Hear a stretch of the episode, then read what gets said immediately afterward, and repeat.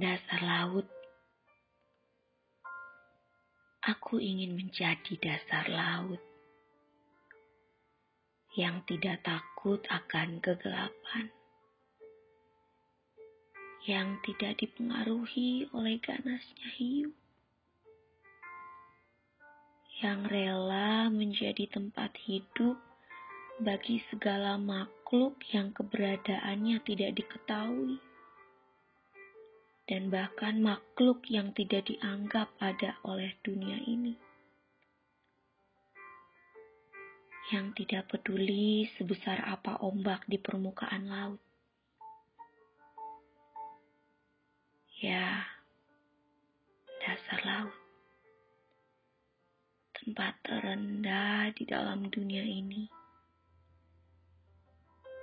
Tapi tanpa dasar laut, bumi takkan dapat menampung air laut. Dasar laut,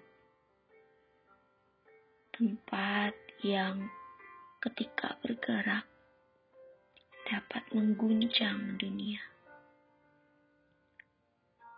Dasar laut, tempat terdalam yang menyimpan banyak makna.